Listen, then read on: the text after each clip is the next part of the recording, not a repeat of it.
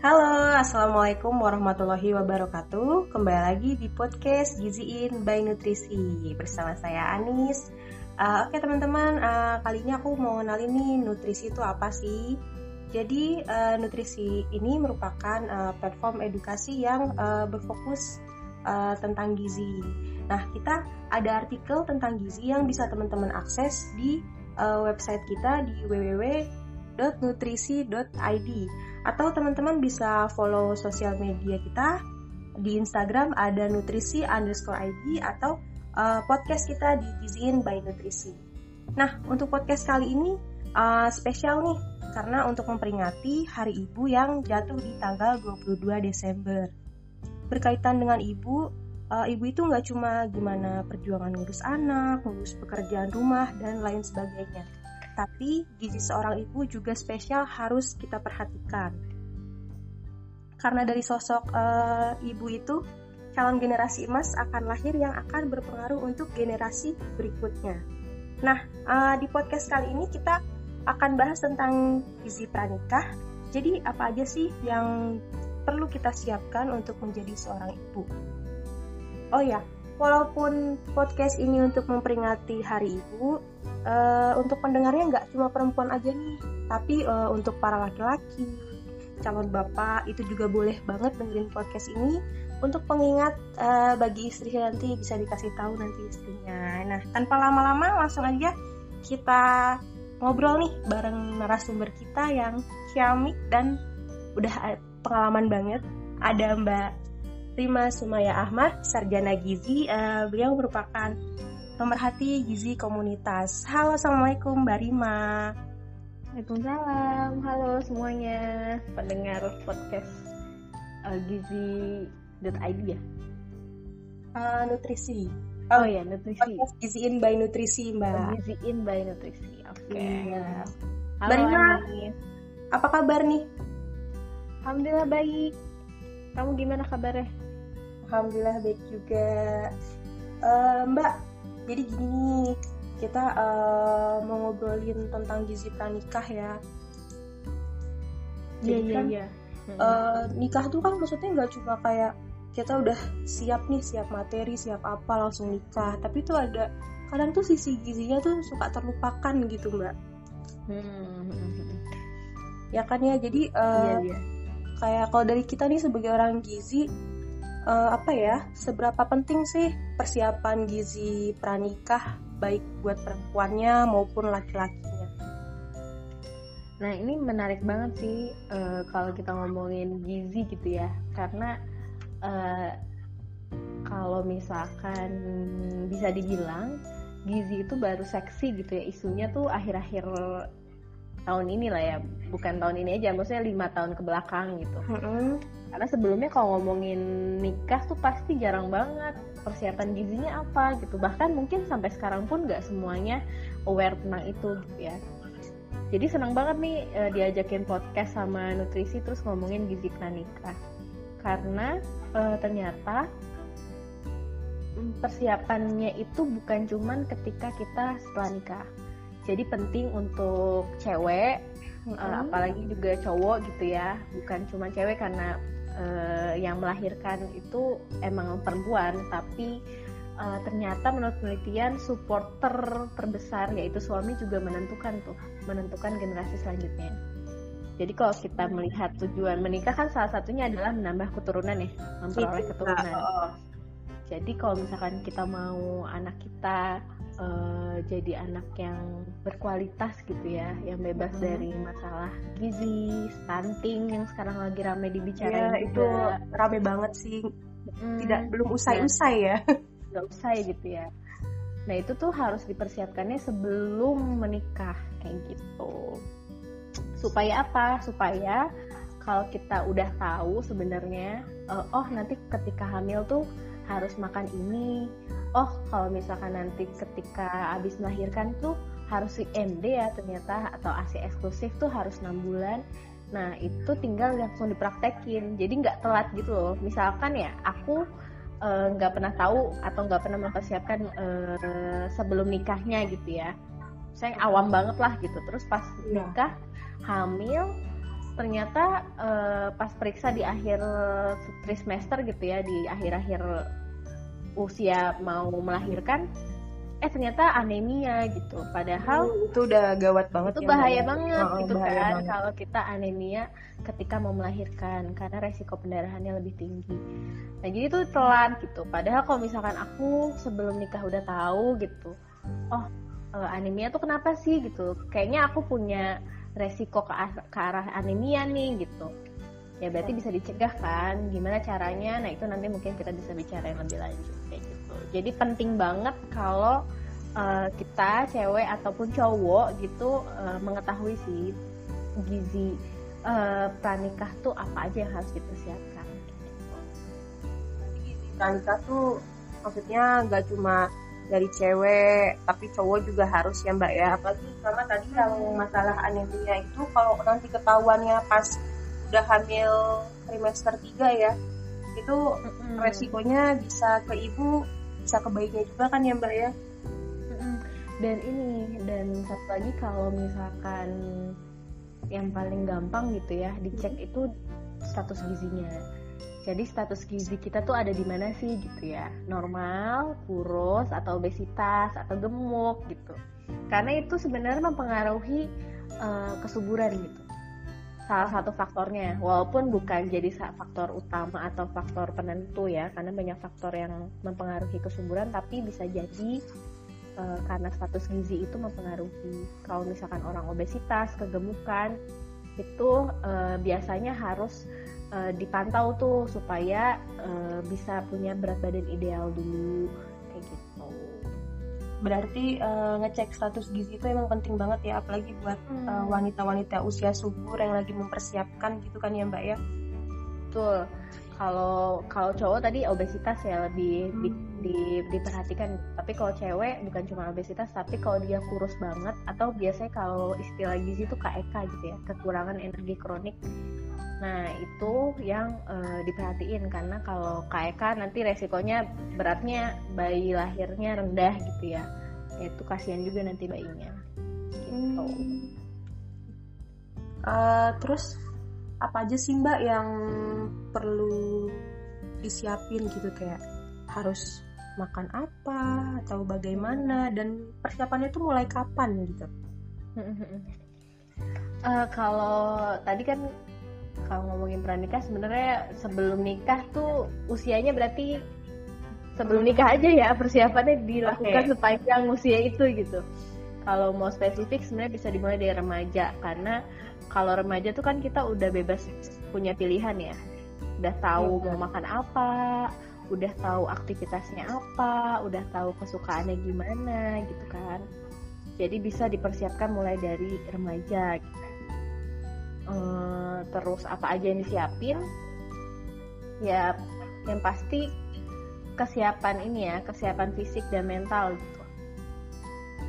Uh, untuk mengarah fisik yang sehat dan juga mental yang sehat. Karena kalau kita ngomongin kesehatan tuh bukan cuma tentang fisik tapi mental juga. Iya. Mental health itu penting banget ya mbak ya? Penting banget. Jadi yang disiapin hmm, pengetahuan ini kalau misalnya kita mau fisik yang sehat berarti harus makan makanan yang sehat dan juga aktivitas fisiknya ada. Hmm. kalau hal yang spesifik ngomongin gizi uh, kalau untuk laki-laki nih biasanya diperhatiin itu adalah asupan uh, vitamin B12 kenapa penting gitu ya karena uh, vitamin B12 itu vitamin yang bagus untuk uh, memelihara kesuburan. Jadi uh, bisa tuh mulai uh, mengkonsumsi makanan yang uh, ada vitamin B12-nya. Nah, Jadi walaupun suplemen itu ada gitu, tapi hmm. kalau misalkan prinsip di gizi tuh sumber utamanya makanan terbaik makanan. Ya, uh, obat terbaik itu adalah makanan. Makanan, gitu. iya. Oh ya, uh, Mbak mungkin bisa dikasih contoh nih buat teman-teman semuanya mungkin yang masih belum paham. Jadi vitamin B12 itu adanya di makanan apa aja sih? Jadi biar mereka bisa langsung action. Mungkin habis dengerin podcast ini mereka langsung, oh iya, uh, aku harus beli makanan ini, beli makanan ini kayak gitu. Kalau B12 tuh banyaknya ada di sumber hewan jadi hewani gitu ya sumber hewani. Ba baik daging terus ada olahannya misalkan susu kan ya susu sapi terus keju yogurt. Nah itu uh, termasuk sumber B12 jadi untuk para lelaki ya. Yeah. dan perempuan juga sih bisa gitu kan untuk semuanya gitu ya. Kalau mau menjaga kesuburannya gitu mempersiapkan uh, gizi pranikah itu mulai konsumsi banyak daging terus ya tadi susu keju satunya itu nah itu kan teman-teman kita udah uh, dapat info nih dari Mbak Rima makanan apa aja tuh yang penting kita konsumsi untuk persiapan pernikah kita ya Mbak ya Mm-mm. Terus uh, selain B12 juga vitamin E itu juga bagus tuh untuk menjaga kesuburan. Jadi vitamin E uh, biasanya ada di minyak kelapa sawit, jadi minyak kelapa, biji bunga matahari atau toge itu juga ada tuh vitamin E. Oh. Atau kalau misalkan mau minum suplemennya juga boleh. Nah asalkan dengan aturan uh, itu ya aturan sesuai anjuran gitu ya mbak ya. Sesuai anjuran. Tapi kalau misalkan bisa di asup dari makanan sih lebih bagus lebih bagus lebih bagus kalau dari makanan. Oh gitu uh, pantas sih aku sering denger gitu kalau buat perempuan gitu ya yang lagi persiapan kehamilan. Biasanya yang sudah menikah dan mempersiapkan kehamilannya gitu ya. Biasanya hmm. uh, banyak makan toge kayak gitu. Jadi toge itu termasuk salah satu sumber vitamin E ya mbak ya? Salah satu sumber vitamin E.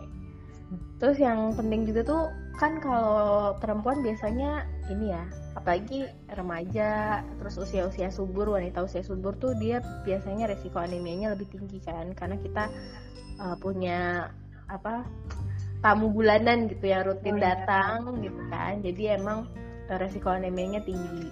Nah anemia itu terjadi karena kekurangannya vitamin eh, kekurangannya zat besi. Makanya harus uh, terpenuhi tuh asupan zat besinya jadi zat besi itu ternyata bukan hanya di, didapat dari suplemen aja atau tablet tambah hmm. darah ya terkenal yeah. tapi uh, dia juga banyak ada di makanan sumber makanan. Jadi bisa teman-teman uh, mulai mengkonsumsi makanan-makanan yang tinggi zat besi. Contohnya kalau misalkan uh, yang gampang tuh ya kita makan protein aja sumber protein gitu kayak daging daging merah itu biasanya tinggi pro, tinggi zat besi terus hati biasanya tinggi zat besi juga. Atau kalau misalkan mau yang nabatinya protein nabati juga bisa kayak kacang-kacangan juga di situ ada yeah. zat besinya sayur-sayuran hijau itu juga ada zat besinya. Jadi uh, bisa mulai uh, makan gizi, gizi seimbang sih sebenarnya kalau mau gampang tuh ya. Biar nggak ribet gitu kan. gitu ya mbak ya. Jadi apa kalau itu isi piring punya lengkap gitu ya mbak ya misalkan teman-teman sus tadi B12 vitamin E gitu. Hmm. terus ada zat besi ah pusing banget gitu kan. E, makan apa jadinya? Bingung. Udah aja pokoknya kalau kita nyesuaiin dengan pedoman dari pemerintah gitu ya itu makan makan gizi seimbang atau sesuai dengan isi piringku itu sebenarnya pasti mencangkup semua zat uh, zat gizi yang dibutuhkan dalam tubuh karena tadi ya protein tuh tinggi zat besi sumber protein terus ada B12 tadi kan uh, di protein terus uh, ada uh, pro, ada protein nabati gitu kan itu ada hmm, banyak zat juga, juga ya. ada vitamin mineral terus uh, air putih. Nah itu pokoknya kalau kita mau gampang sekarang uh, ya makan sesuai dengan pedoman gizi seimbang aja. Nah berarti kan emang apa ya mbak? Berarti tuh gizi itu bener-bener penting banget ya. Maksudnya sumber-sumber makanan yang apa ya? Kadang orang menurut orang tuh sepele tapi ternyata tuh penting banget gitu. Mm -mm Nah, yang menarik sebenarnya kalau ngomongin tadi ya zat besi ya, balik lagi. Mm -hmm. uh, apa ada satu hal kebiasaan mungkin ya yang hampir banyak dilakukan sama orang-orang Indonesia gitu. Apalagi yang punya kebiasaan minum teh saat makan gitu. Nah, setelah belajar gizi tuh kan kita belajar ada zat anti gizi kan. Iya. Yeah. Nah, ternyata uh, di dalam teh itu ada tanin namanya. Nah, tanin itu be, e, bekerja sebagai e, zat anti gizinya zat besi. Jadi ketika kita makan sumber zat besi, tapi dibarengi dengan makanan sumber uh, ada tanin ya tadi ya seperti teh. Yeah. Nah kerjanya tuh nggak bakal maksimal tuh zat besi. Jadi kayak kita udah makan steak nih yang oh gila ini sumber zat besi nih misalkan ya. Apalagi itu daging banget ya mbak ya. Uh, gitu ya. Eh minumnya teh.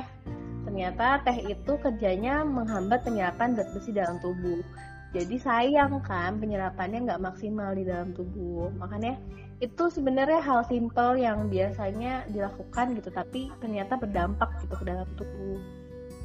Nah kalau misalkan mau teman-teman mulai sekarang karena udah tahu gitu ya. Jadi ke, uh, boleh gitu boleh makan sambil minum teh tapi dilihat kalau makannya tinggi sumber zat besi kayak tadi ya daging terus sayuran hijau terus kacang-kacangan itu kalau bisa hindari gitu. Bisa diganti dengan uh, jus jeruk gitu ya yang tinggi vitamin C kayak jus jambu. Karena uh, vitamin C itu salah satu fungsinya dia dapat membantu penyerapan zat besi. Jadi kebalikan sama tanin iya. Gitu. Jadi uh, biar gampang diingetnya kalau makan bakso gitu mulai sekarang pesennya jangan es, es tawar ya gitu ya. Es tapi es jeruk gitu. Hmm. atau enggak jus jambu hmm, atau jus jambu atau jus buah lainnya yang emang banyak vitamin C-nya gitu. tapi ya sih, yang bagus itu sih jus jambu itu tinggi vitamin C dibandingkan jus jeruk ya ternyata jambu tuh punya uh, vitamin C yang lebih tinggi ya. nah itu jadi ya mulai dari hal kecil gitu ya tapi kita konsisten melakukannya nanti dia jadi kebiasaan kayak gitu. Iya sih mbak itu kalau diperhatiin emang kayak kebiasaan dari anak kecil mungkin sampai yang sudah dewasa atau sudah tua jadi kayak udah kebiasaan gitu ya mbak ya. Setiap makan masuk ke tempat makan pesan makanannya apa gitu. Tapi balik lagi minumnya pasti es teh. Terutama mungkin teman-teman teman-teman mahasiswa gitu ya mbak ya yang pada ngekos hmm. gitu. Pasti kan hmm. es teh itu yang harganya paling minimalis gitu ya. Yang masih hmm. sangat terjangkau. Tapi uh, balik lagi itu salah satunya bisa ngasih efek yang berdampak kurang baik gitu ya banyak lagi bagi para perempuan gitu kan. Nggak perempuan juga sih bagi laki-laki juga karena dia akan menghambat penyerapan ya mbak ya dari makan apa protein yang udah kita makan. Jadi kayak percuma gitu nantinya. Iya betul. Uh, sebenarnya kalau misalkan sekali dua kali gitu ya nggak apa-apa. Tapi kalau terus-terusan tuh ya akhirnya akan berdampak juga gitu. Kalau misalkan hmm. jangka panjang ya. Nanti bisa jadi penyebab salah satunya hmm. uh, anemia gitu kan. Hmm. oke mungkin bisa jadi perhatian ya buat teman-teman semua yang dengerin podcast uh, kali ini. Oh ya mbak berarti uh, anemia itu bisa ya kalau bisa dibilang gitu ya merupakan uh, apa ya salah satu masalah gizi yang sudah bisa terjadi sebelum nikah ya mbak ya? Hmm bisa banget. Uh, menarik dulu tuh waktu penelitian ku zaman kuliah ya mm-hmm. jadi ikut proyek dosen yang itu hasilnya uh, dia ngambil darah di anak SMA remaja putri SMA di salah satu sekolah negeri di Purwokerto mm-hmm. itu hasilnya 90 ya 90% lebih anemia semuanya wow tinggi banget mbak serius uh-uh. Dan sampai sekarang pun sebenarnya kalau dilihat angka nasional emang angka anemia kita uh, apa masih tinggi gitu ya. Masih apalagi dari uh, remaja. Makanya kalau misalkan bayangin aja ya misalkan remajanya aja nih udah anemia nih gimana nanti dia kalau udah jadi wanita usia subur gitu kan. Terus juga kalau dia dengan catatan tidak memperbaiki pola hidupnya ya pola hmm. makannya ya nanti ketika sudah menikah dan hamil pun mungkin resiko anemia juga tinggi. Dan ketika anemia resikonya lebih banyak lagi kan ya. Bisa pendarahan ke ibunya terus juga bisa hmm, anaknya bisa BBLR juga gitu ya. Iya berat badannya kurang ya mbak ya? Eh di bawah dua setengah ya? Dua setengah kilogram. Hmm. Jadi uh, itu juga mempengaruhi tingkat kecerdasan bayi yang dilahirkan bisa jadi. Jadi makanya penting banget untuk kita tahu ya persiapannya tuh apa aja. Kalau bisa dilakukan sedini mungkin dari remaja bahkan supaya kita tuh nggak jadi wanita anemia gitu ya atau uh, remaja anemia gitu. Jadi kalau misalnya teman-teman mau cek gitu ya, uh, saya tuh anemia apa enggak gitu bisa uh, bisa dilihat dari tanda-tanda fisik dulu gitu sebelum cek darah. Jadi biasanya 5L ya. Apa aja tuh mbak? Letih, lesu, uh, lemah, lunglai. Satu lagi apa ya? Letih, hmm. lesu, lemah, lunglai.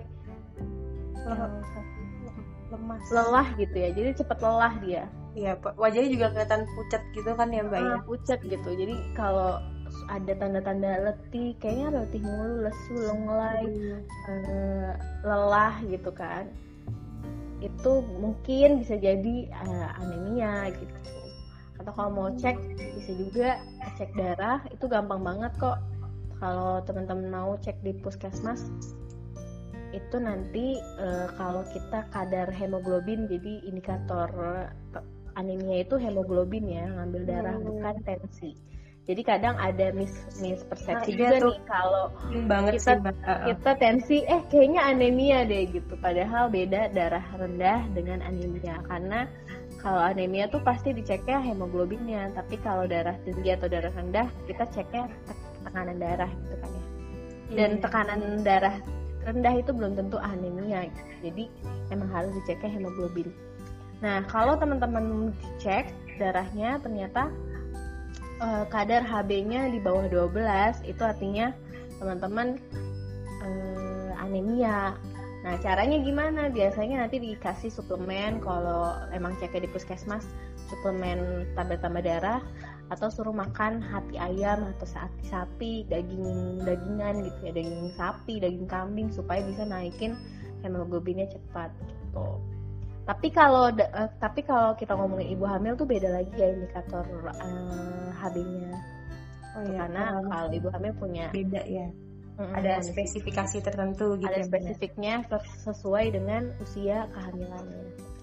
Hmm, gitu Iya sih mbak, kalau apa yang tadi mbak bilang tuh jadi ada orang yang uh, dia tensinya rendah tapi dia selalu bilang uh, saya kurang darah gitu. Tapi dia bilang hmm. dia anemia. Padahal nggak berpengaruh kan ya mbak. Ada juga saat orang tensinya mungkin dia tinggi, terus dia dikasih tablet tambah darah. Dia bilang nanti tensi saya makin tinggi kayak gitu. Jadi masih hmm. ada ini persepsi yang gimana gitu ya di masyarakat ya mbak ya.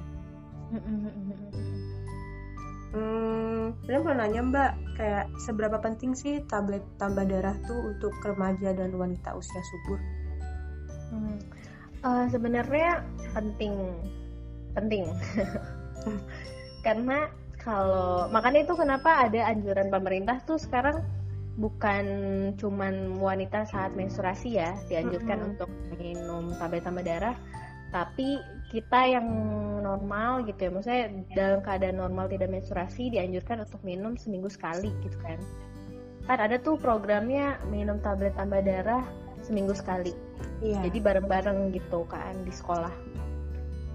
Nah itu sebenarnya e, sebagai salah satu langkah pemerintah untuk mengurangi angka anemia remaja di Indonesia gitu. Karena e, ya tadi kalau misalkan kita punya pola makan yang udah sesuai dengan pedoman gizi seimbang sebenarnya uh, mungkin suplemen udah nggak dibutuhin lagi gitu bisa diminum kalau misalkan dalam keadaan menstruasi aja tapi kalau dalam keadaan normal mungkin ya udah kalau kita makannya tetap makan sayur makan protein hewani protein nabati uh, terus juga minum air putih yang banyak nah itu mungkin hmm, apa anemianya bisa lebih rendah gitu ya angkanya.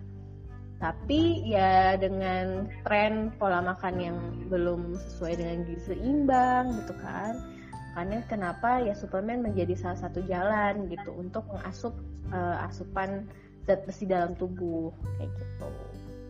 Hmm. Jadi sebenarnya teman-teman kalau ngomongin uh, suplemen zat besi atau suplemen tambah-tambah darah, dulu tuh uh, banyak keluhan gitu ya mm-hmm. kalau minum itu nanti mual gitu karena emang uh, ada bau anyir gitu katanya mm-hmm. terus tabletnya itu ya mbak ya uh, terus emang bikin mual kayak gitu nah memang itu tuh tablet zaman dulu gitu jadi sekarang karena uh, anjurannya semakin banyak ya diperbanyak uh, dari pemerintah untuk ayo uh, perempuan Indonesia untuk minum tablet-tablet darah supaya bebas dari anemia. Uh, makanya pemerintah terus berinovasi sampai akhirnya keluar suplemen yang sekarang. Itu tuh suplemen yang sekarang udah diselaput sama uh, ya ada lah ya selaput obat kayak gitu yang akhirnya hmm. tuh dia nggak ada ngebuat efek samping mual lagi gitu. Jadi teman-teman nggak usah takut untuk um, mulai minum suplemen tablet-tablet darah, apalagi kalau lagi menstruasi. Anjurannya sehari sekali kalau untuk kita uh, menstruasi, pas lagi menstruasi kalau untuk cewek. Tapi kalau untuk dalam keadaan normal bisa seminggu sekali aja gitu. Oh, infonya lengkap banget dari Mbak Ima. Jadi buat teman-teman yang biasanya dapat tablet tambah darah itu berarti nggak ada efek samping ya Mbak ya. Jadi bisa langsung diminum ya. Bisa biasanya diminumnya sih sebelum tidur gitu ya supaya uh, tadi ya efek-efek nggak mual gitu-gitu tapi kalau sekarang sih aman sih karena emang nggak ada efeknya lagi kayak dulu jadi bisa kapan aja yang penting sehari sekali. Oh gitu. Oke mbak Rima. Uh, mbak kan uh, pengetahuan uh, aku nih dulu kan kayak mbak Rima sempat ikut apa ya apa pencerah Nusantara ya mbak ya kalau nggak salah? Atau apa ya? Iya, ya, di Kalimantan kan ya? Nah, hmm. uh, katanya tuh angka pernikahan dini tuh tinggi ya Mbak. Nah, kalau boleh tahu tuh penyebabnya kenapa sih angka pernikahan dini tuh bisa tinggi dan nanti tuh dampaknya akan gimana gitu? Hmm. Nah ini uh, menarik juga gitu ya, karena dulu sempat pengabdian satu tahun ya di sana di puskesmas oh, satu tahun. uh, lumayan nggak bilang pelosok banget sih enggak cuman emang lumayan lah ya. Lumayan jauh dari ibu kota gitu ya. Wah jadi harus kalau ya. dari Palangkaraya kalau dari Palangkaraya itu sekitar 7 jam wow uh, naik darat dan naik di puskesmasnya itu dia uh, membawahi 12 wilayah desa dan empat desa kalau nggak salah empat atau lima aku lupa mm-hmm. itu cuma bisa diakses pakai jalur sungai gitu jadi naik klotok oh, kecil kapal kecil gitu perahu yang kayu gitu ya perahu mesin kayu uh, perahu ya. perahu kayu yang kecil oh. yang cuma isi empat orang lima hmm. orang gitu 12 desa banyak nah, juga ya mbak? Hmm, lumayan. Itu gede sih. Hmm, dan iya iya. uh, gede banget. desa terujungnya itu tuh belum ada listrik gitu. Jadi hmm. emang mereka pakai tenaga tenaga apa? Tenaga tetas tenaga surya ya? Tenaga surya yang dari biosel nggak salah. Hmm. jadi hmm. dia kalau siang tuh dijemur gitu. Ya. buat nanti dipakai malamnya untuk uh, ngecas uh, lampunya atau ngecas handphone kayak gitu. Oh.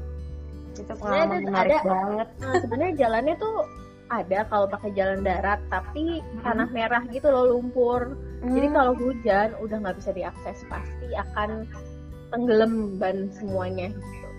Hmm. Jadi emang aksesnya emang susah banget mereka untuk ke pelayanan kesehatan.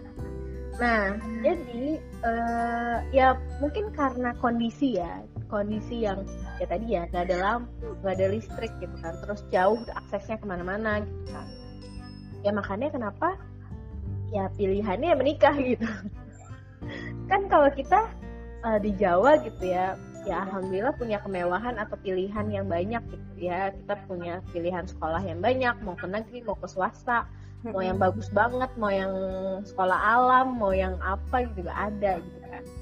Terus kita setelah uh, eh, SMA lulus mau kuliah di mana juga banyak aksesnya tapi kalau kita ngomongin di sana ternyata ya dan itu salah satu daerah di Indonesia gitu. Mungkin banyak banget daerah di Indonesia yang belum terjangkau juga. Jangankan pilihan sekolah gitu akses informasi aja mereka nggak dapat hmm. jadi sedih banget. Waktu itu ya, ya. aku kunjungan ke salah satu desa dan itu ada satu SMP jadi satu SMP itu tuh untuk me mewadahi tiga daerah eh tiga desa di dekat situ. Hmm. nah waktu itu kita mau penyuluhan tentang apa ya narkoba kalau narkoba dan ini dan anemia kan terus kita tanya dek kok nggak ada gurunya gitu kok nggak ada pelajaran jadi anak-anak itu duduk-duduk di depan kayak gitu itu SMP iya mbak soalnya gurunya lagi pulang ke Jawa gitu waduh Kalau pulang berapa lama? Wow. Bisa sampai sebulan gitu loh. Terus kalian di sekolah ngapain ya? Udah duduk-duduk aja kayak gitu. Jadi memang eh, lagi-lagi emang masalahnya banyak banget gitu masalah SDM. Eh, ya bukan salahnya juga gitu. Mungkin udah ada eh, guru yang harus mengajar tapi karena jauh dari keluarga yang harus pulang segala macam, ya akhirnya memilih untuk tidak mengajar gitu kan. Dan terus eh, ada salah satunya cerita eh, eh aku nanya gitu kalian abis lulus SMP mau gimana? Mau ke mana sekolahnya? Karena SMA-nya tuh harus ke eh, kecamatan gitu. Jadi salah satu satu satunya SMA tuh cuma di Ada kecamatan di kecamatan. Ah, dan jaraknya itu jauh. dan itu lima jam sekitar 4 sampai 5 kalau naik kapal klotok itu sungai. Wah. dan gak semuanya punya klotok gitu. Jadi klotoknya juga kalau nyewa lumayan mahal gitu kan. Dan PR banget ya mau sekolah kalau pulang pergi gitu kecuali ngekos kan kecamatan. Nggak tahu nih kak gitu gitu ada juga nih teman kami yang udah nikah habis SD belum lulus SD Oh. bahkan. Eh, jadi ya karena mereka akhirnya punya kesibukan ini ya kerja. Jadi di sana tuh penghasilan utamanya tuh nyedot emas. Jadi karena kaya akan sumber daya alam gitu ya. Di sana sumber salah satu sumber mata pencahariannya tuh emas. Jadi mereka nyedot emas gitu di sungai terus nanti dijual gitu emasnya. Nah jadi kalau misalkan mereka udah pulang sekolah gitu kadang bantuin orang tuanya terus nyedot akhirnya ya udah sekolahnya eh, nggak masuk lagi terus jadi kerja nyedot punya uang ya udah akhirnya nikah kayak gitu. Jadi ya nggak ada pilihan gitu maksudnya mereka menikah itu kalau kalau kami melihatnya waktu itu ya ya bukan karena MBA ya bukan karena pergaulan bebas gitu ya. Iya. tapi ya memang budayanya gitu ya udah mau ngapain lagi gitu. Sekolah jauh terus ya udah punya uh, kerjaan juga ya udah nikah kayak gitu. Berarti kalau dengar dari ceritanya Mbak Rima tuh kendalanya satu dari mungkin faktor pendidikan ya Mbak, jadi kurangnya sumber informasi yang nggak sampai sana. Jadi Hmm, eh, pengetahuannya eh, kurang gitu ya Mbak ya. hmm, faktornya banyak banget sih jadi Sama ekonomi kalau dilihat kompleks Hmm, kompleks banget Eh, bukan bahkan bukan cuman ekonomi mungkin ya kalau aku bilang ada beberapa keluarga yang secara ekonomi nggak ada masalah gitu Hmm. karena di sana tuh emas gimana ya penghasilan emas ya lumayan lah ya Iya iya. mereka nyedot emas murni gitu kan ya faktor budaya sih lebih Karena udah biasa gitu ya Mbak ya. Hmm, lebih. Jadi nggak aneh gitu ketika kita survei pun ya kita wawancara ibu hamil, ibunya hamil, anaknya juga hamil gitu. Oh, Jadi nanti cucu sama anaknya tuh seumuran. Hmm. Wah. Dan itu tuh yang ngebuat angka kematian bayi sama Bayi angka kematian ibu masih ya ada di sana ya. masih ada karena ya tadi nikahnya muda banget terus eh, anaknya banyak gitu kan Mm. Eh, terus akses ke pelayanan kesehatan jauh jadi di sana punya kebiasaan lahiran di rumah juga jadi Dan itu anaknya lahiran di rumah itu sama nakes atau bahasa Sama- kita kayak dukun desa gitu loh. masih sama eh, ada yang ada yang sama bidan ada yang sama dukun nah aku lupa sebutannya apa ya ada sebutannya pokoknya ngebantuin gitu eh, lahiran di rumah karena mereka lagi-lagi kepercayaan jadi mereka merasa aman ketika lahiran di rumah Oh, kayak gitu. Hmm, jadi kayak kalau ke puskesmas tuh suatu yang horor gitu loh bagi mereka. Karena di karena ada orang lain terus diliatin kayak gitu gitu jadi lebih aman kalau lahiran tuh di rumah. Oh, jadi mereka lebih merasa nyaman kalau di rumah gitu ya. Dan Hmm, nggak jadi- banyak orang gitu ya, Mbak ya. Hmm, jadi mau nggak mau ya akhirnya tenaga kesehatan di sana pun menyesuaikan kan. Ya udah bidannya yang ke rumah walaupun Hmm. semakin ke sini semakin dimotivasi untuk melahirkan di fasilitas kesehatan gitu. Karena kalau di rumah kan tetap aja ya walaupun sama tenaga kesehatan tapi kalau ada apa-apa tuh tetap susah gitu kan. Iya sih. gitu. Jadi sekarang tuh progresnya lebih lumayan banget jauh banget dibandingkan sebelumnya. Ya lumayan terbuka juga akhirnya masyarakatnya dan lebih senangnya uh, waktu akhir kita project di sana mm-hmm. itu uh, pemangku adatnya jadi di sana tuh kan sangat kental ya dengan adat iya, jadi masih percaya banget mantan itu adatnya adat. masih teguh banget masih gimana ya hmm, masih percaya masih, banget gitu hmm. masih menjunjung budaya adat banget di sana iya. nah alhamdulillahnya tuh keluar kebijakan aturan adat yang menyebutkan itu masuk ke perbuk bahkan peraturan bupati kalau nggak salah. Hmm. Jadi yang mengatakan pernikahan itu minimal usianya dinaikin standarnya. Jadi kan kalau nasional tuh kalau nggak salah cewek 16 ya boleh 16 atau 18 ya. Kalau laki-laki sekitar 20-an gitu kan. Ya. Atau 19 tahun. Cewek itu 19 kalau eh 19 atau 18 gitu. uh, uh, pokoknya nggak di bawah di bawah 19 kalau nggak salah boleh nah di peraturan bupati itu akhirnya me menyebutkan kalau minimal usianya itu kalau untuk cewek 19 tahun kalau untuk laki-laki 21 tahun oh. jadi kalau nggak sesuai dengan umurnya mm-hmm. ya nggak nggak dinikahin jadi kalau di sana tuh harus nikah secara adat juga gitu kalau nggak kalau nggak nikah secara adat tuh ya istilahnya tuh apa ya hmm, nggak hmm, boleh lah bukan nggak boleh sih hal yang tabu gitu. Jadi kalau nikah itu harus dua kali gitu secara agama dan secara adat. Nah dengan aturan adat kayak gitu itu menyebabkan ya mungkin bisa bisa bisa jadi salah satu upaya ya berkurangnya angka pernikahan dini di sana. Berarti uh, bahasanya pemangku adat udah apa ya udah berhubungan langsung nih sama uh, Pemkap tentang peraturan barunya gitu ya Mbak ya. Iya. Untuk menurunkan si uh, angka pernikahan dini di wilayah tersebut gitu. Hmm, karena itu sangat berkaitan dengan stuntingnya di sana tinggi stuntingnya. Hmm, berarti itu salah satu dampaknya ya Mbak ya. Jadi dengan semakin tinggi angka pernikahan dini itu semakin mempengaruhi angka stunting juga. Bisa jadi salah satu faktornya karena kompleks kan kalau ngomongin stunting tuh wah. Itu nggak cuma satu sektor aja. Bisa panjang juga tuh kalau kita bahas. Hmm, wah itu nggak cukup sehari atau berapa jam doang mbak? Iya betul.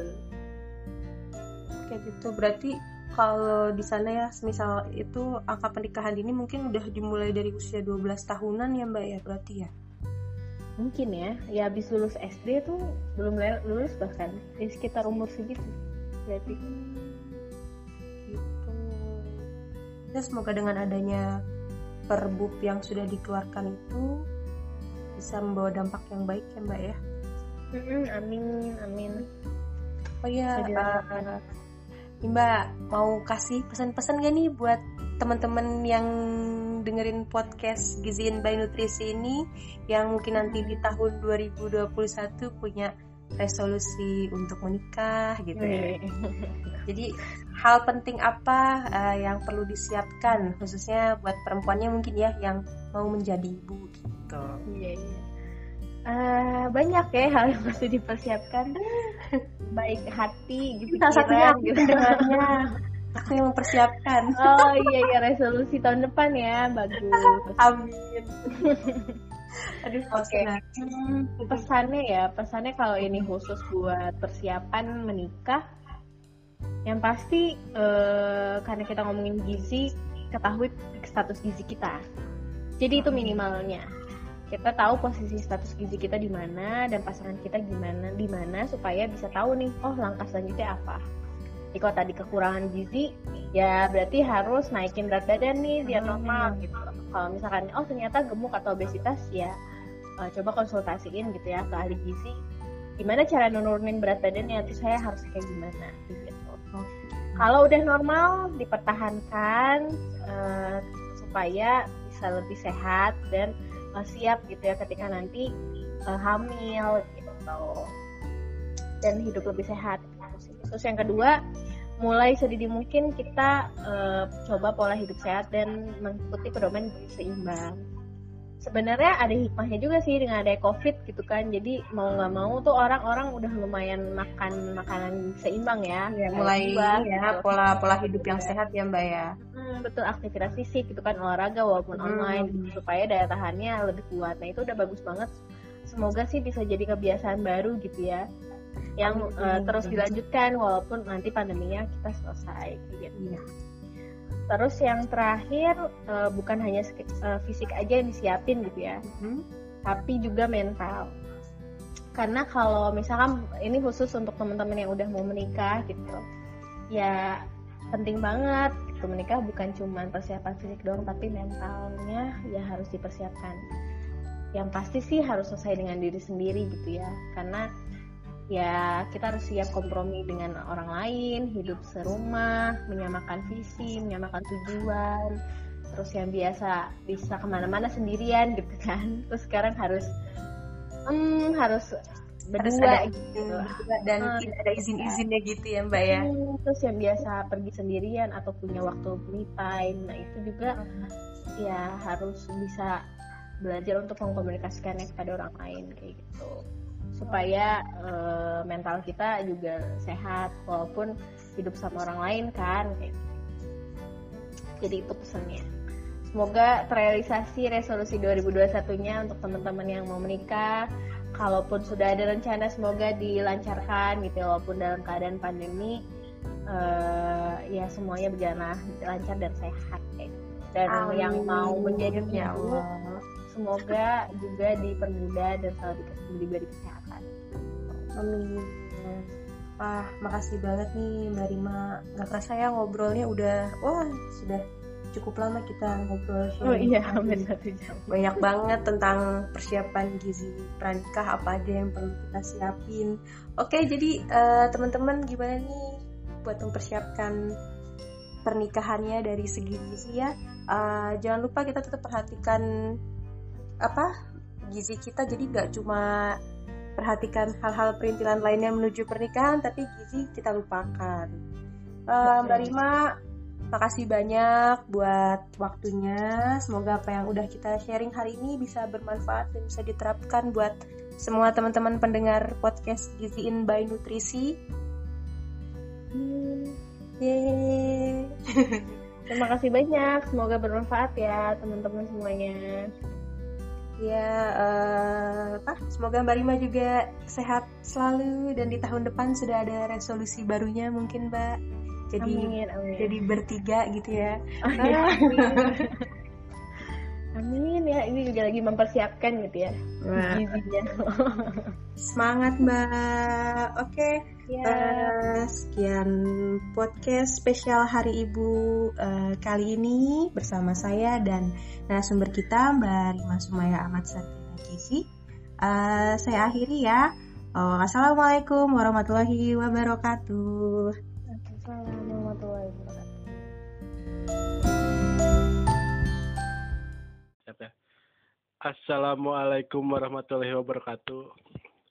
Kembali lagi di podcast Gizi In by Nutrisi bersama saya Dika Wahir Fitama uh, di hari gizi nasional ini kita kan ngebahas dua dua tema. Yang kema yang satu itu tentang stunting dan yang satu lagi ini tentang penyakit yang lagi hype, lagi viral yaitu COVID-19.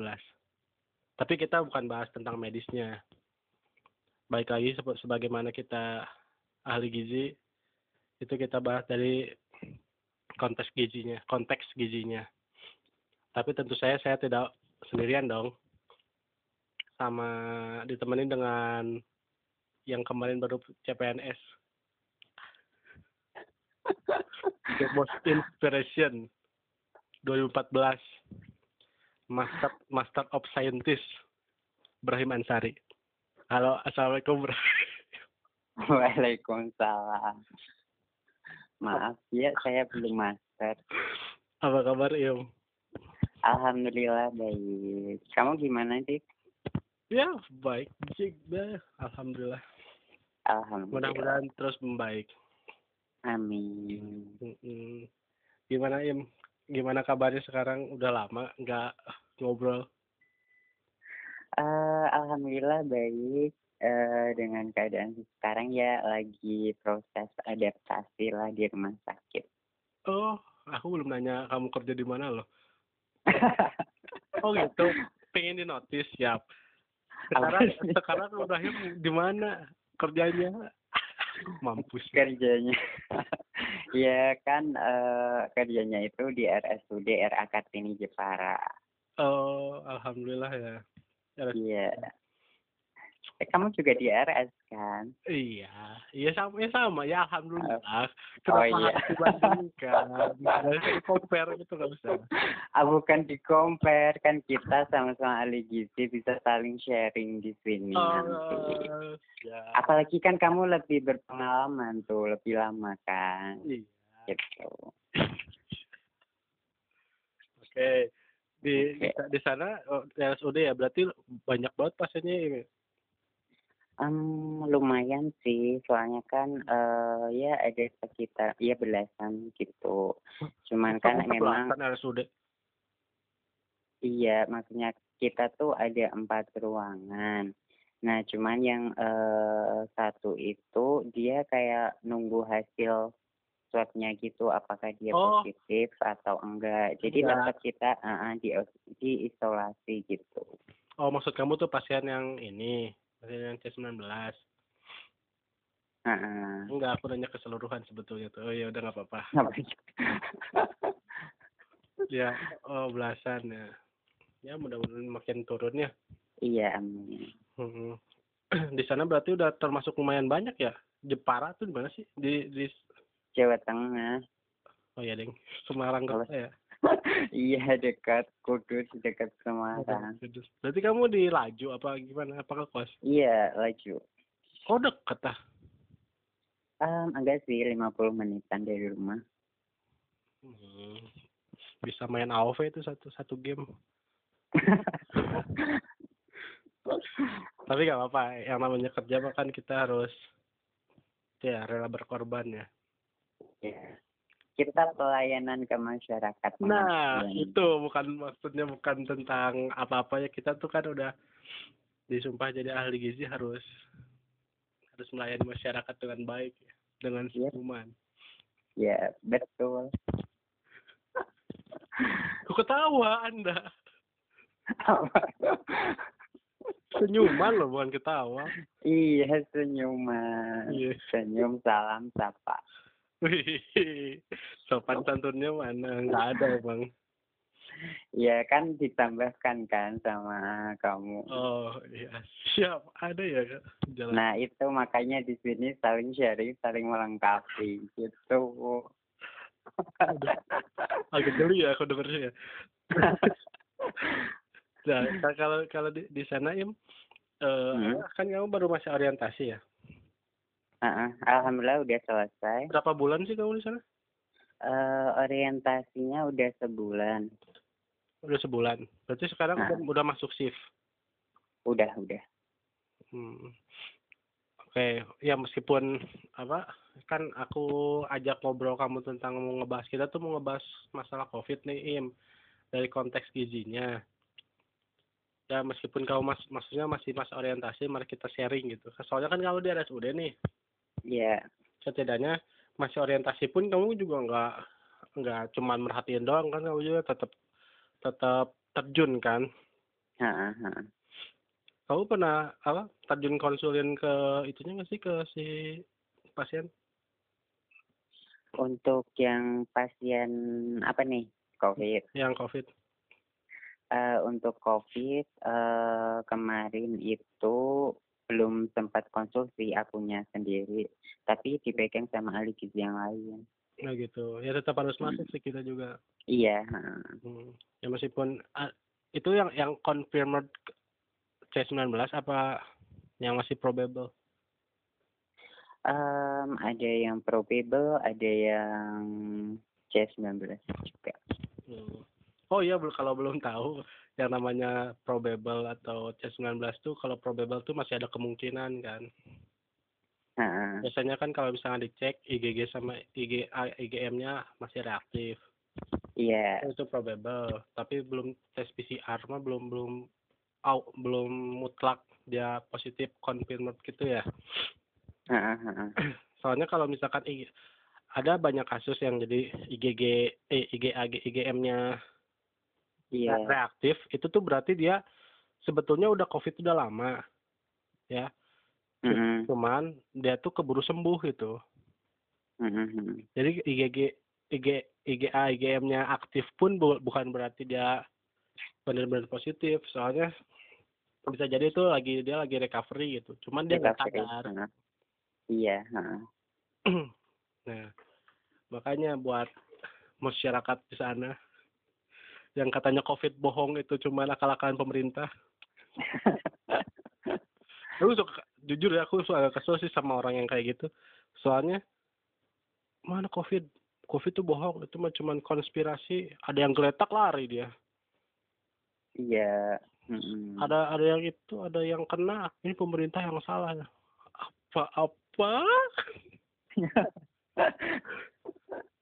Iya, ya makanya itu kita harus saling kerjasama semuanya Nah, biar iya, semuanya betul. teratasi gitu. Mau sampai kapan gitu? iya Emang mau isolasi terus kayak gitu? iya soalnya aku sharing aja ya Heeh. kemarin aku kan nggak disebut isolasi nggak juga sih aku kan lagi nge-recovery diri sendiri lah Heeh. soalnya apa tiba-tiba keserang kayak batuk kayak gitu ya itu kan takut kan aku juga tapi setiap hari juga aku ukur SPO2 atau oksinometer gitu yang ukur saturasi oksigen tahu kan Mhm. Iya.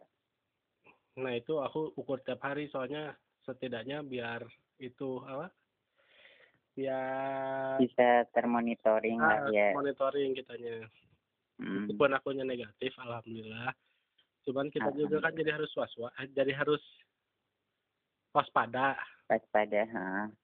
nah aku kemarin nge-recovery kurang dari seminggu itu BT-nya luar biasa gak ada kerjaan wah kacau sih Hmm. maksudnya mau ke situ takut Heeh. nularin ke orang sebelum ada hasil ya belum Iya. takut ini terus di kamar terus di masker itu tuh BT-nya luar biasa. Sesak sih enggak aku rasa enggak. Cuman cuman apa? Cuman flu doang sama ada batuk dikit. Demam sih alhamdulillah enggak. Ya itu itu Hmm. pun ya maksudnya level segitu pun aku udah udah ngeri. Mhm. apalagi antar konfirmasi. Iya. itu mana harus di itu kan. Oh ya im di, dijabarin dulu im. Kamu tahu nggak maksudnya tuh yang yang apa sih namanya yang yang terpapar positif tapi Ah. tanpa gejala. Heeh. itu harus gimana? Terus eh, apa namanya yang terpapar ada gejala kayak misalkan penciuman hilang terus ada sesak ada demam itu harus gimana? Terus atau ada yang udah sesak berat udah saturasi oksigennya udah kecil banget itu harus gimana? Tahu nggak penanganannya mungkin ini aja ya eh, itu kan kayak udah tata laksana dari tenaga kesehatan banget ya istilahnya Ya. mungkin kita ini bilang aja misalkan dia asimptomatik atau simptomatik gitu aja ya Hmm. nah kan dia ada gejala nah sebelumnya gejalanya tuh dulu kan kita eh, cuman ada batuk pilek demam sakit tenggorokan lemah gitu ya letih lesu Hmm, gangguan pernafasan, sesak nafas atau yang lain. Nah sekarang kan semakin ke sini ada tambahan kan, iya dia eh, ada anosmia kehilangan daya penciuman, Hmm. terus ada agesia kehilangan daya eh, pengecapan sama diare juga masuk. apa diare iya sekarang diare mas Diare, ha, diare masuk. Nah itu. Nah mungkin kalau eh, buat eh, masyarakat di luar sana, misalkan ada salah satu eh, atau dua gitu ya dari gejala tadi, mungkin bisa dimonitoring kayak pengalaman Dika tadi ya. iya Kayak misalkan hari pertama kapan. Jadi nanti waktu konsultasi ke dokter pun lebih jelas gitu Iya. gimana gimananya gitu. Nah, mungkin kalau misalkan pertama kan untuk kayak demam, batuk pilek itu kan kayak semua penyakit mah eh bisa gitu. Emang gejalanya gitu gitu kan. Oke. Kalau demam kan eh itu kita ada infeksi istilahnya. Dari Hmm. semua penyakit juga bisa terjadi itu gitu. Nah, cuman misalkan eh di hari pertama demam, besoknya misalkan flu atau pilek itu itu tetap disarankan eh di rumah aja dulu itu Hmm. Isolasi mandiri lah. isolasi Heeh, isolasi mandiri nah dilihat dulu tuh dimonitoring tapi misalkan eh, semakin ke sana kok ada pengecapannya yang kurang terus eh, diare terus juga penciumannya kurang nah ini perlu diwaspadai jadi harus langsung konsultasi ke tenaga kesehatan terdekat gitu Apalagi demam di atas 38. iya apalagi demam gitu. Nah itu mungkin dari situ misalkan kalau eh, jadi apa mencegahnya gimana gimana mah tetap kayak yang udah dikasih tahu sama pemerintah sama tenaga tenaga kesehatan yang lain. Di sini mah pemerintah juga pengennya masyarakat juga sehat ya nggak mungkin lah pemerintah ngasih info yang kurang bagus. Ya. Ah tadi yang kayak akal-akalan aja tapi kan buktinya udah di mana-mana gitu loh Iya. harusnya kita lebih aware lebih peduli gimana caranya gitu Maksudnya kita juga bisa bilang ini soalnya depan mata kita ada. iya depan mata kita ada kita juga eh bercimpung di dalamnya kan Iya. gitu nah eh, kayak gitu sih Makanya suka apa sih buat teman-teman yang di luar sana yang penasaran pengen nongkrong apa sih? paling, iya paling nongkrong Heeh. tempat normal atau apa gitu. Mimi juga kan. Iya, Iya benar kayak misalkan di rumah itu eh, misalkan isolasi kayak gitu kan ada yang emang iya nggak betah sih maksudnya iya kan. nggak ada teman ngobrol nggak ada apa tapi kan kita tetap bisa ngobrol pakai video call kan bisa Iya. gitu untuk Terus sekarang udah sementara difasilitasi sama teknologi. iya semuanya kan juga udah difasilitasi untuk menekan angka penyebaran itu kemarin juga Januari ini kan banyak mudik terus langsung tinggi sehari udah langsung berapa ribu kasus Sepuluh ribu. meningkat iya itu kan ya Allah padahal sebelumnya kan udah turun ya ini kok malah meningkat ada. lagi gitu Tapi kalau buat buat teman-teman yang keluar buat bekerja itu kita respect ya maksudnya. Tapi yang kerjanya juga tetap patuhi yang 3M itu ya. iya pakai protokol protokol kesehatan tetap nomor satu ya Oh iya. 3M apa aja mungkin di bisa dijelaskan lebih lanjut dimotivasi Apa sih? Eh, memakai masker. iya Terus apa deh? Ntar aku baca dulu ya. Iya memakai masker. Nah maskernya ini yang gimana? Kalau masker itu kalau bisa masker medis. Ah, ah, masker medis. Cuman eh, memang diprioritaskan untuk masker medis kan untuk tenaga kesehatan ya. Hmm. Untuk masyarakat mungkin bisa pakai Kalau- masker kain. Masker kain juga boleh, tapi kalau masker kain itu minimal pemakainya eh maksimal pemakaiannya tuh 4 jam. 4 jam. ah. Setelah 4 jam Gitu. sudah dicuci.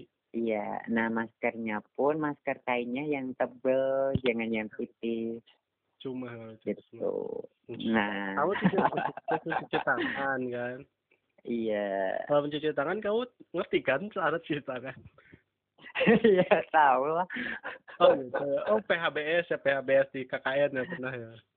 Iya, eh kan di rumah sakit selalu. Ih kamu Iya, kamu iyalah. enggak.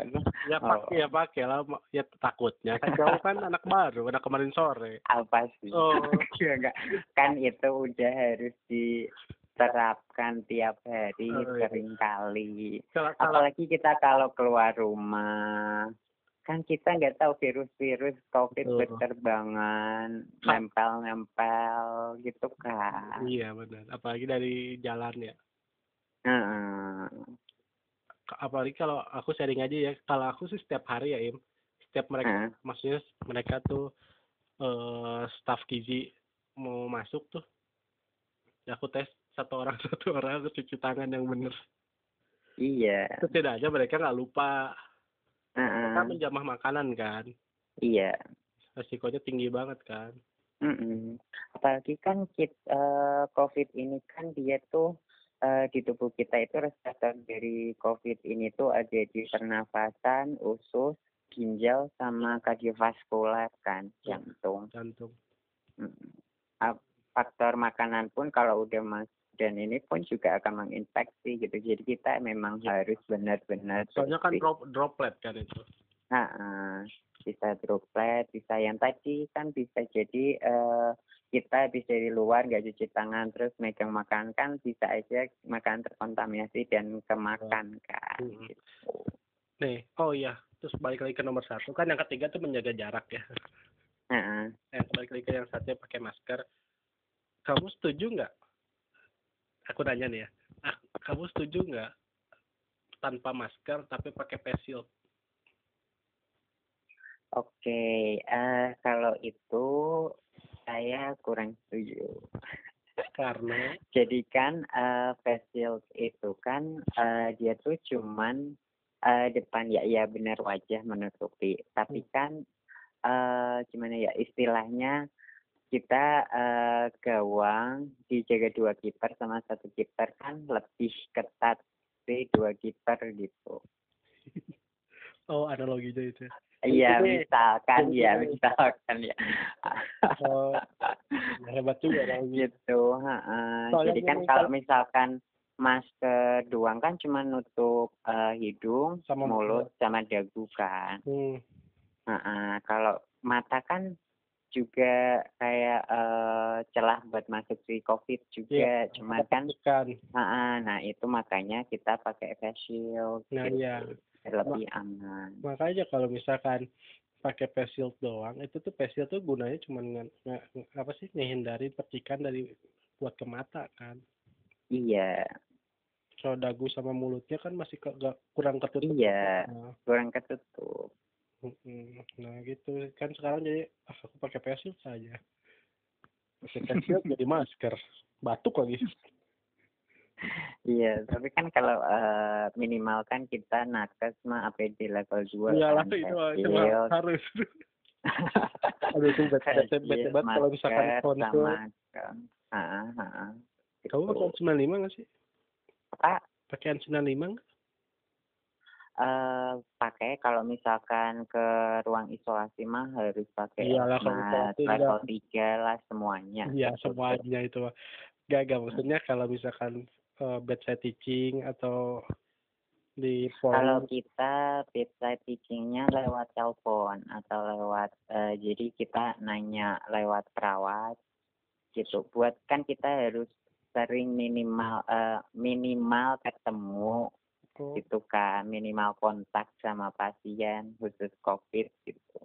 ini yang ini yang covid apa yang non covid Yang yang mau itu suspek maupun Oh, yang itu. Enggak, kalau nah, kalau jadi pasien biasa ini mah Oh, kalau pasien biasa mah langsung konsul bedside teaching pakai APD level 2 Oke, yang face shield, gown, masker, sama sarung tangan.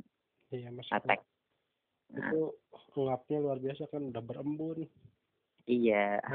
panas tapi kan maksudnya itu emang keharusan sih keharusan pakai apa Iya, keharusan.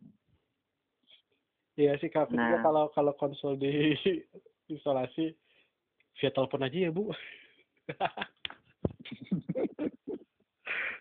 jadi via telepon Eh, kamu pakai telepon di sana? iya pakai telepon Hmm. Jadi Belum apa belum telekonferensi.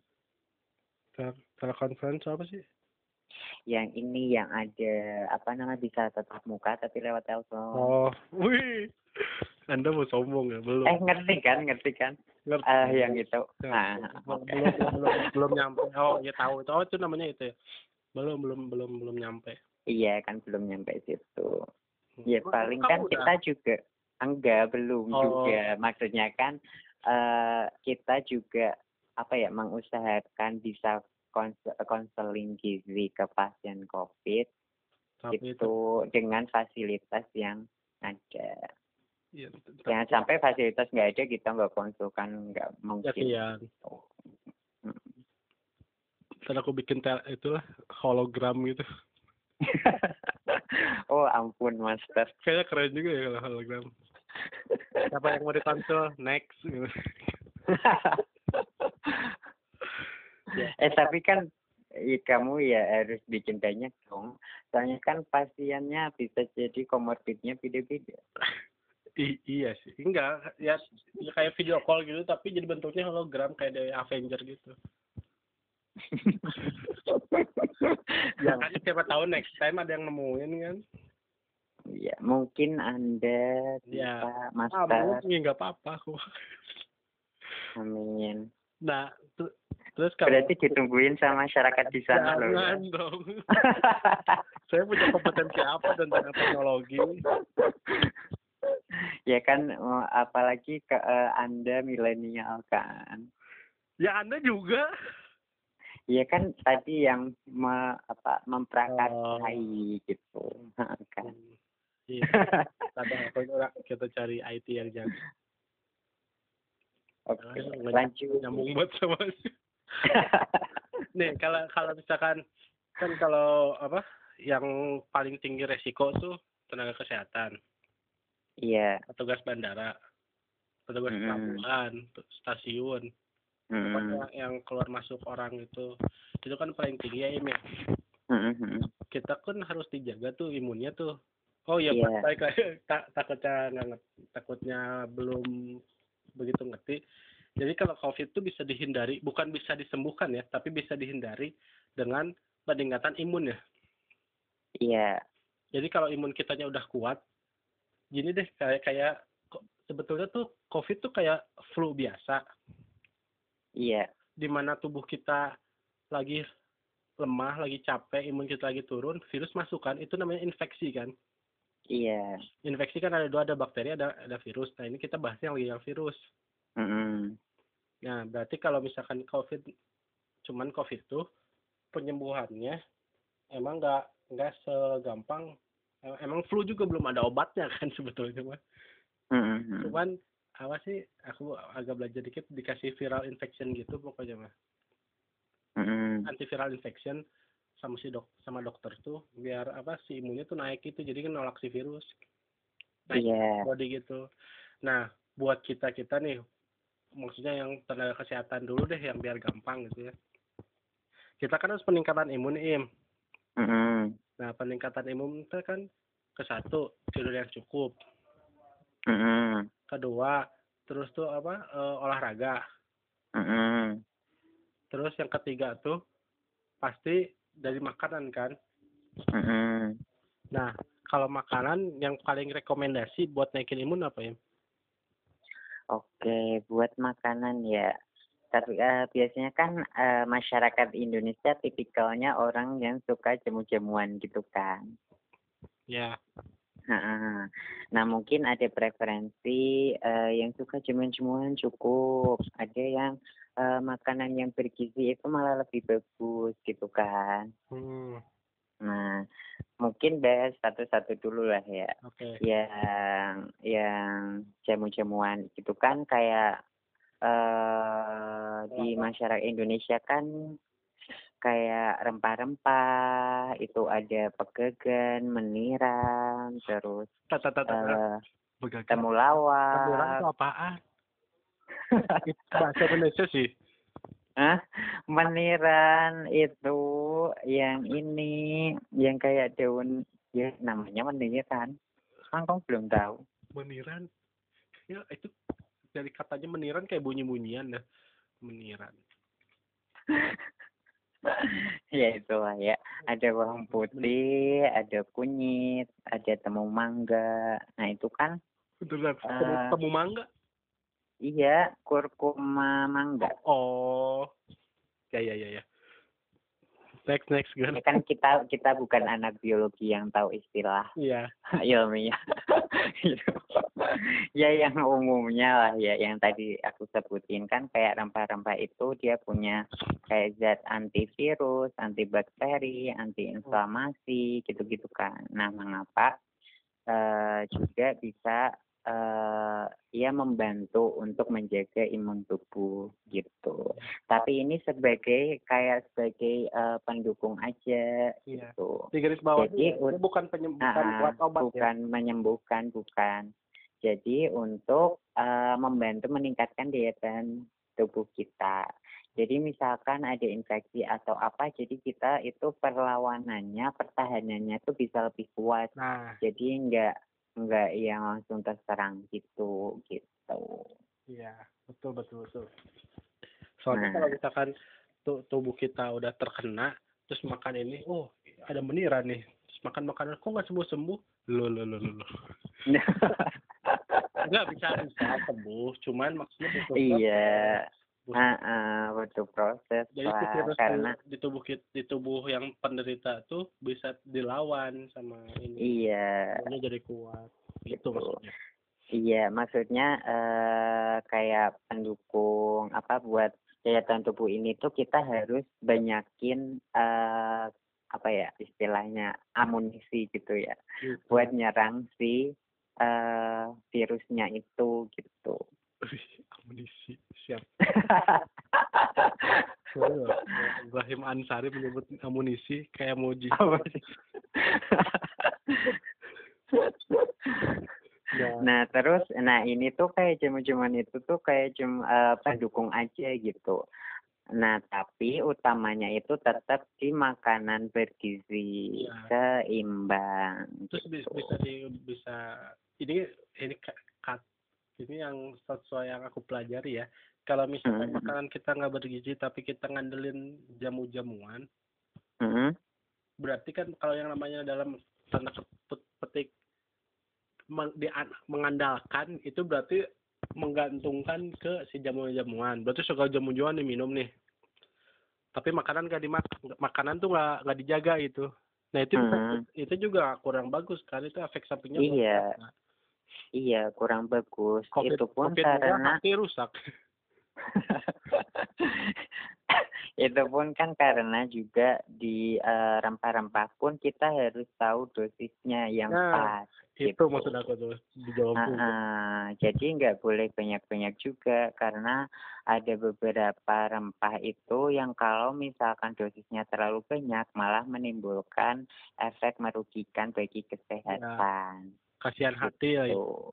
iya Takut jadi yang paling utama uh, prinsipnya seimbang makanannya seimbang porsi nah, pas oh. cukup uh, dan juga dibantu dengan suplemen lain tapi pun suplemen ini saat dianjurkan ya. gitu dengan dosis yang yang dianjurkan pas. itu yang pas. Uh, gitu soalnya jadi banyak ini banyak panik buying gitu kan kayak waktu pas pertama pandemi kan contoh merek aja ya vitamin hmm. hilang kan. Terus tuh apa sih namanya imbus. Uh. terus tuh apa satu lagi tuh ya UC One Thousand. Mm nggak ada kan di pasaran kan. Mm-hmm. sebetulnya kita jarang lah. Iya lemon juga udah hilang waktu itu tuh sempet. Soalnya kan kayak vitamin C yang tinggi kayak jeruk Iya, oh. jambu biji. Jambu biji. Bahkan orang lain nggak tahu jambu biji lebih tinggi dari jeruk. Dari gitu, jeruk. Vitamin C. vitamin C-nya. Malah dibuang. Terus yang satu yang ke satu tuh apa sih namanya tuh? Yang yang hijau tuh.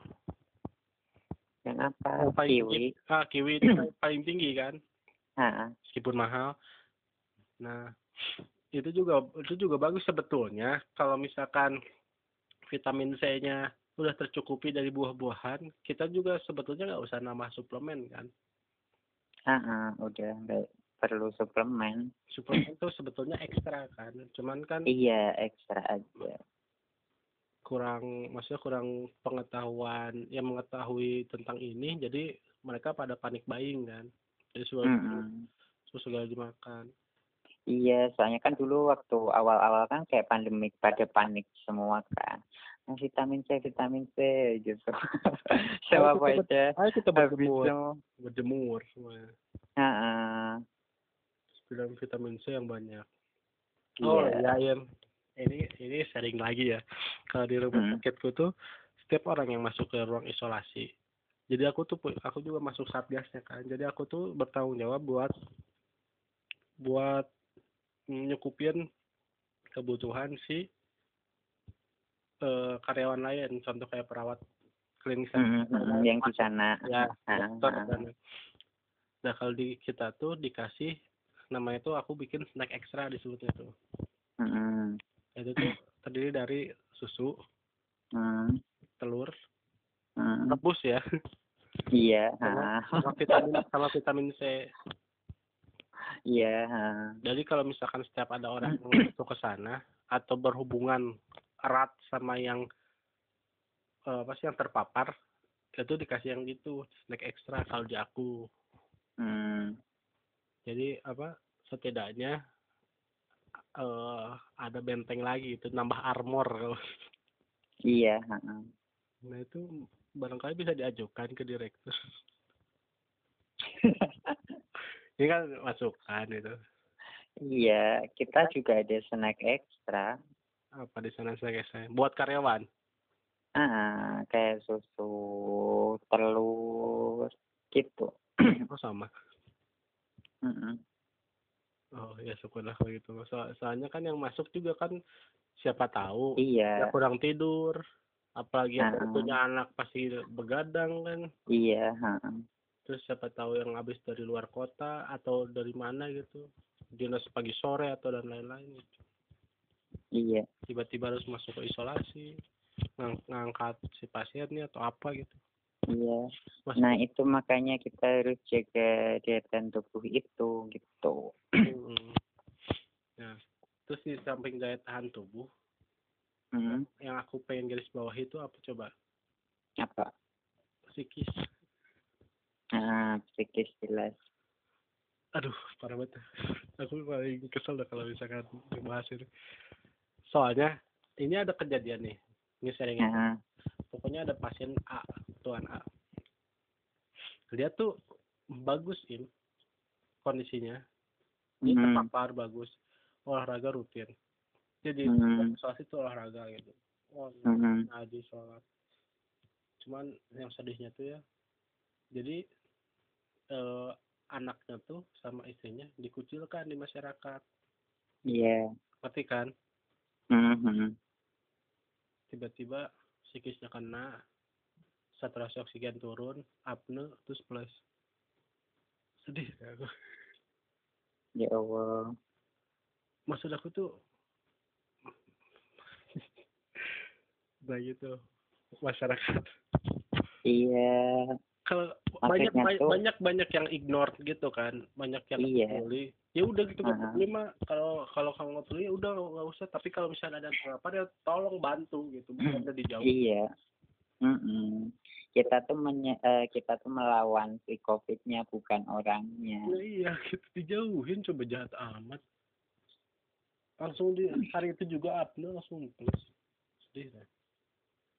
Ya harusnya gotong royong lah. Iya, makanya psikis. Nah, kemarin pas Iya. pas aku oh, udah oh, oh, oh, oh. udah gitu. Wah, psikis aku psikis aku kena tuh itu ah, jujur dah. Soalnya aku dapat kabar yang tidak enak.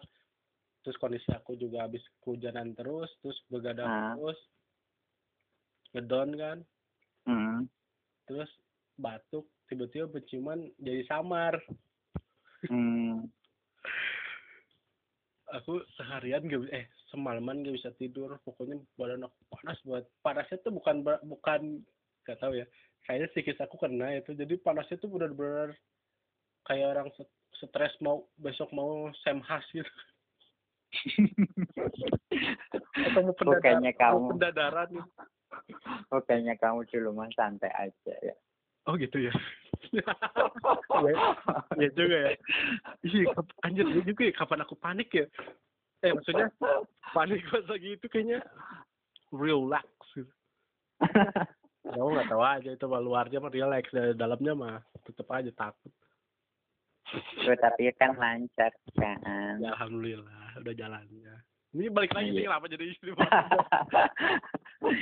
Ya terus psikisnya kena bener-bener gak bisa tidur ya, jadi pikir hal buruk gitu Iya. tapi pas udah udah psikisnya udah rada tenang alhamdulillah hidung jadi kerasa lagi rasa jadi enak lagi terus teh demam udah hilang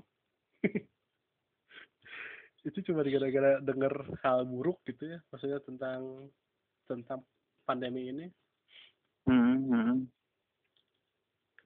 eh Aku gak pernah loh se- setakut itu. Dulu kan ada pandemi, oh ya udah pandemi. Sekarang tuh, oh aduh, kayak makin mendekat ya. Bismillah negatif. Iya, ya alhamdulillah udah negatif sih. Iya. Nah mungkin ini di ini ya di garis bawahi jadi itu selain dari makanan juga faktor psikis itu penting untuk menjaga daya tahan tubuh gitu. Ya. Ya. Buat teman-teman juga kalau yang biasanya begadang, apalagi main game nggak jelas, itu Nah itu itu siapa ya? aku udah gak suka main game sekarang, Oh oh Anda merasa ya? tapi nonton film. Gak, gak, gak, gak. Aku ya itu maksudnya kalau nggak ada kerjaan yang yang mendesak kemarin kan aku ada kerjaan yang mendesak kayak laporan dan lain-lain Hmm, hmm. kalau ada pe- pekerjaan yang mendesak mendingan dicicilnya dari siang aja dah kalau misalkan ada waktu mah. Jangan dibegadangin. Mm-mm. pas musim pancaroba kan. Jadi Iya. semua penyakit tuh di- dicurigai sekarang tuh. Iya. Dulu ada yang bilang gue mau orang kaya soalnya batuk aja cek. Sekarang beneran batuk aja harus cek.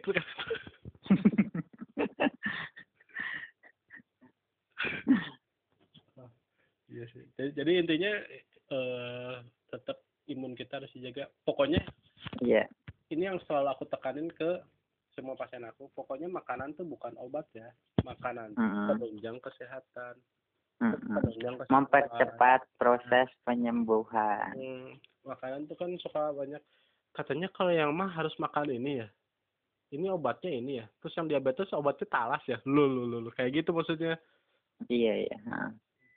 Jadi balik lagi covid pun sama jadi kayak tadi yang kamu sebutin yang yang buah-buahan terus tuh bawang daun terus men Hmm, meniran hmm.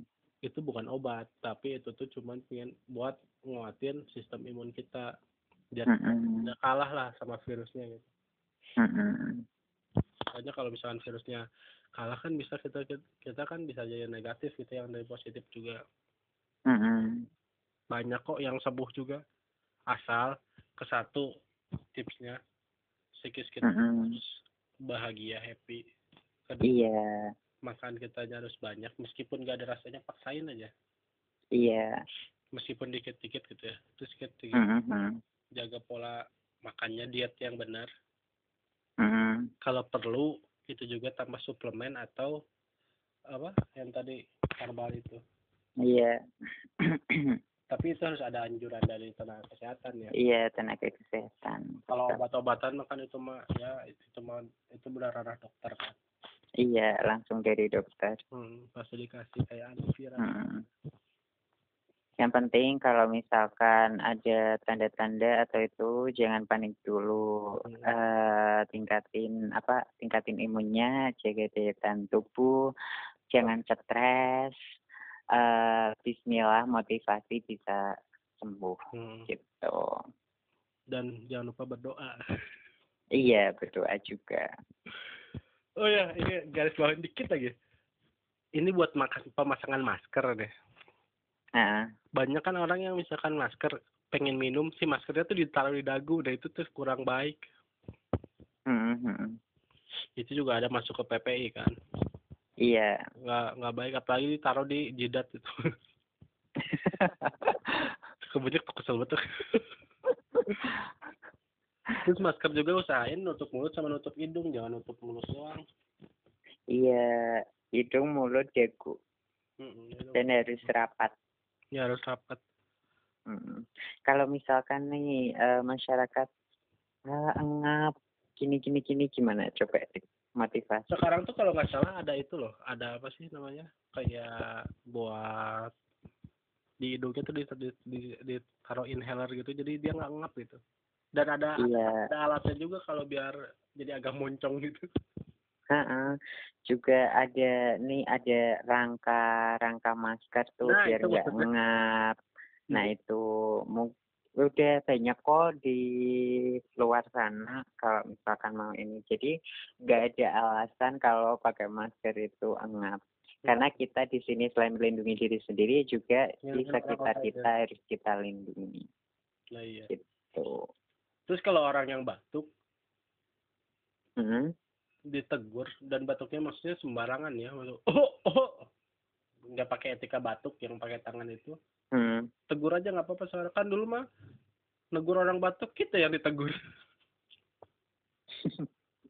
iya dong kalau misalkan kamu misalkan batuk batuknya jaga dong apaan sih batuk doang dulu gitu kan Iya.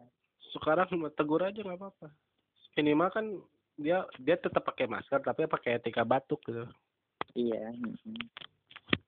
apalagi kalau udah sembarangan tuh jangan jangan im yang diulangnya Apa sih? Aku nggak pernah. oh pernah lah bukannya dulu kuliah sering Apa itu? Oh, iya. Kalau nih itu kamu biasanya mah orang yang ngomong gitu dari pengalaman pribadi. kalau ngeliat teman-temannya Ibrahim yang dengerin podcast ini nggak apa sih? Ibrahim anak yang baik suka di masker dari dulu aku sekarang kalau nggak pakai masker kayak nggak nutup aurat Iya. Kayak ada yang kurang. Ada yang gitu. kurang tuh dulu tuh kan kalau berangkat dompet HP helm aku kan suka Mm-mm. kehilangan helm atau dompet ya sekarang tuh masker duluan jadi dompet sama HP kadang ketinggalan Iya. kalau pakai masker harus balik lagi sih soalnya kalau di motor kok ini udaranya mah gede banget. Ya. oh iya gede masker balik lagi. Hmm.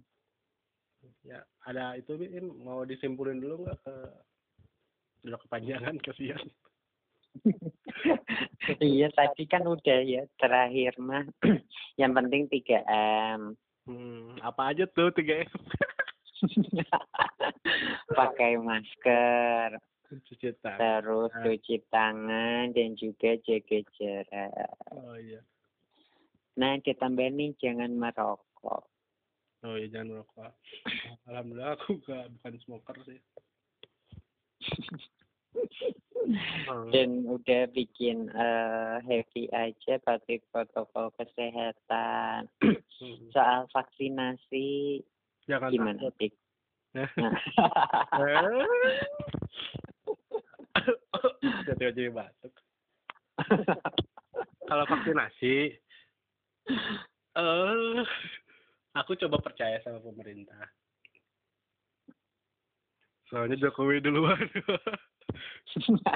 Nggak ada yang- jadi gini loh kalau misalkan Iya. kalau, kalau misalkan vaksinasi nggak mungkin dong maksudnya dia masuk ke sini buat apa sih sekarang konspirasinya katanya vaksin tuh ada ditaruh chip katanya